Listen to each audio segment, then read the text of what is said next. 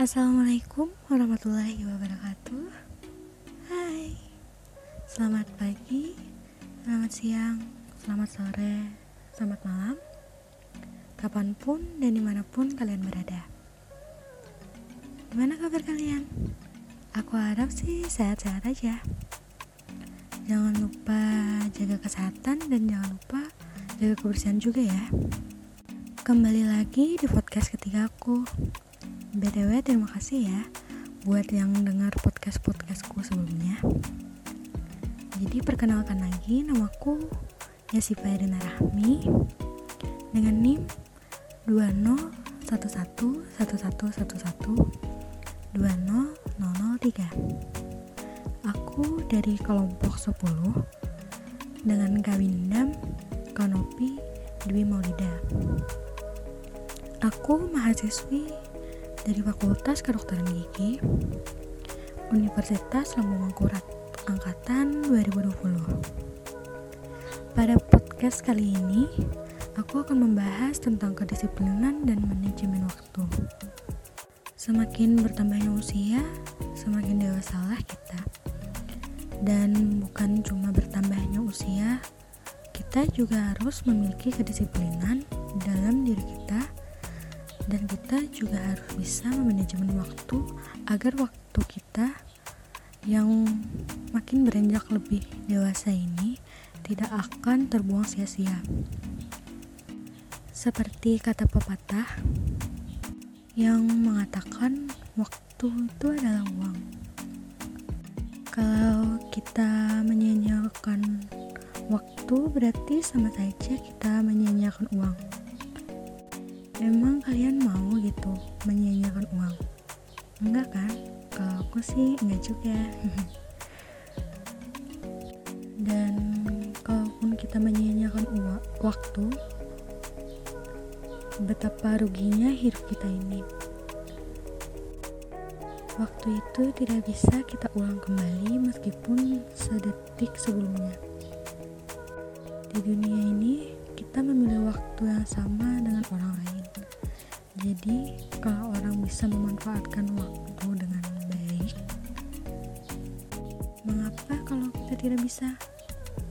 Berarti kita juga harus bisa dong. Kan waktu kita itu 24 jam per hari. Sama saja sama orang-orang yang lain. Disiplin merupakan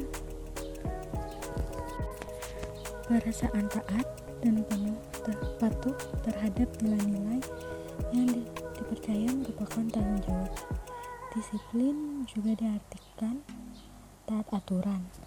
Sikap disiplin dalam kehidupan sehari-hari ini adalah bangun pagi tepat waktu, masuk sekolah sebelum bel berbunyi, belajar setiap malam hari, beribadah tepat waktu, dan masih banyak lagi ya kan? Disiplin itu dilakukan secara rela, bukan karena paksaan dari siapa pun. Tujuan dari disiplin adalah mempunyai suatu tujuan yang hendak dicapai setelah melakukan sikap tersebut. Bertujuan agar diri ini belajar hidup mandiri dengan pembiasaan yang baik, positif, dan manfaat bagi dirinya dari lingkungannya. Disiplin menurut Oteng Sutrisno berdasarkan sifatnya dapat dibagi menjadi dua. Disiplin positif merupakan suatu sikap dan iklim organisasi yang setiap anggotanya mematuhi peraturan-peraturan organisasi atas kemauannya sendiri. Mereka patuh pada taat tertib tersebut dikarenakan mereka memahami, meyakini, dan mendukung. Selain itu, mereka berbuat begitu karena mereka benar-benar menghendaki bukan karena takut. Selain itu, berbuat begitu karena mereka benar-benar menghendaki bukan karena takut akan akibat dari ketidakpatuhan. Kalau disiplin negatif adalah suatu keadaan disiplin yang menggunakan hukuman atau ancaman untuk membuat orang-orang mematuhi perintah dan mengikuti peraturan hukum-hukum. Pendekatan pada disiplin negatif ini adalah penggunaan hukum pada pelanggaran peraturan untuk pergerakan dan menakutkan menakuti orang-orang sehingga mereka tidak melakukan perbuatan kesalahan yang sama.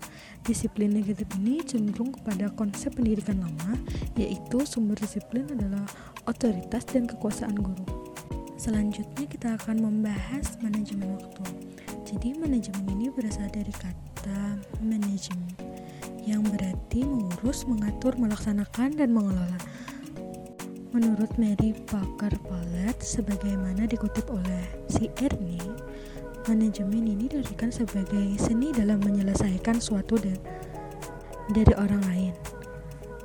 Dan manajemen adalah sebuah proses yang dilakukan untuk mewujudkan tujuan organisasi melalui rangkaian kegiatan berupa perencanaan, pengorganisasian, pengarahan, dan pengendalian orang-orang serta sumber daya organisasi lainnya. Adapun sarana alat manajemen untuk dapat mencapai tujuan adalah man, money, materialis, machines, metals, dan markets. Manajemen harus menentukan tujuan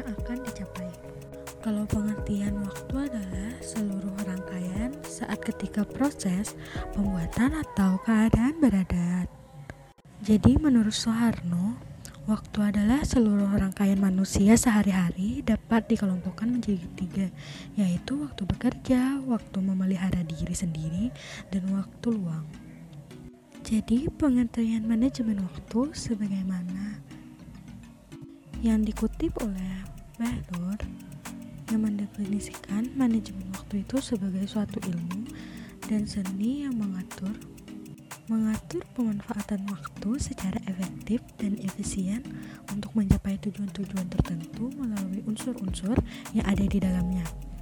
Hal ini sejalan dengan pendapatan.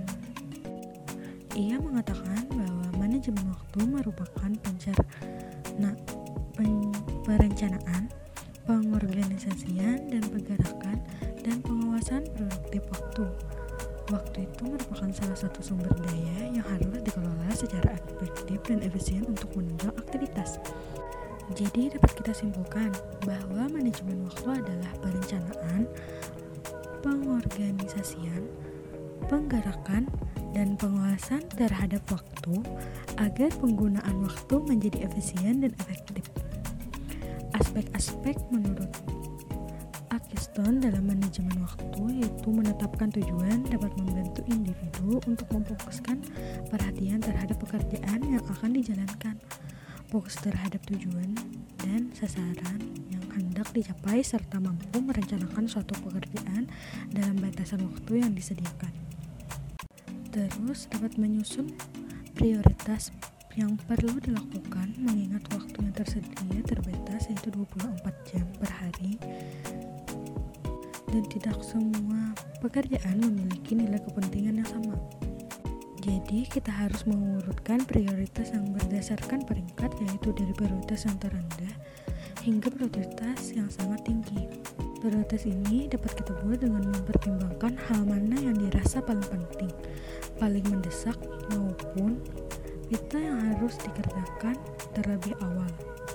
Jadi pentingnya manajemen waktu sebagai waktu yaitu terdapat meningkatkan meningkatkan keteraturan hidup, percaya diri dan disiplin. Ya, yang kedua, dapat meningkatkan kualitas kehidupan di luar jam kerja. Yang ketiga, dapat meningkatkan penghasilan pada tiap individu. Yang keempat, dapat meningkatkan kepuasan kerja pada individu. Yang kelima, dapat mengurangi kesalahan yang dibuat dalam pekerjaan. Yang keenam, dapat mengurangi jumlah krisis yang dihadapi individu. Yang ketujuh, menurun menurunnya tingkat stres pada individu. Yang kedelapan, dapat menyelesaikan lebih banyak pekerjaan yang diperolehnya prestasi kerja yang baik. Yang kesembilan dapat meningkatkan kualitas dan produktivitas kerja dan juga dapat mengurangi keterlambatan. Jadi, disiplin itu wajib bagi diri kita dan kita harus juga bisa memanajemen waktu agar waktu kita tidak akan terbuang sia-sia. Hmm, semoga podcast kali ini bermanfaat ya teman-teman maaf sebelumnya kalau ada kata-kata saya yang salah dan ada yang kurang berkenan gitu di telinga kalian sekian podcast saya pada hari ini. Terima kasih banyak sebelumnya. Dan saya akhiri. Wassalamualaikum warahmatullahi wabarakatuh. Bye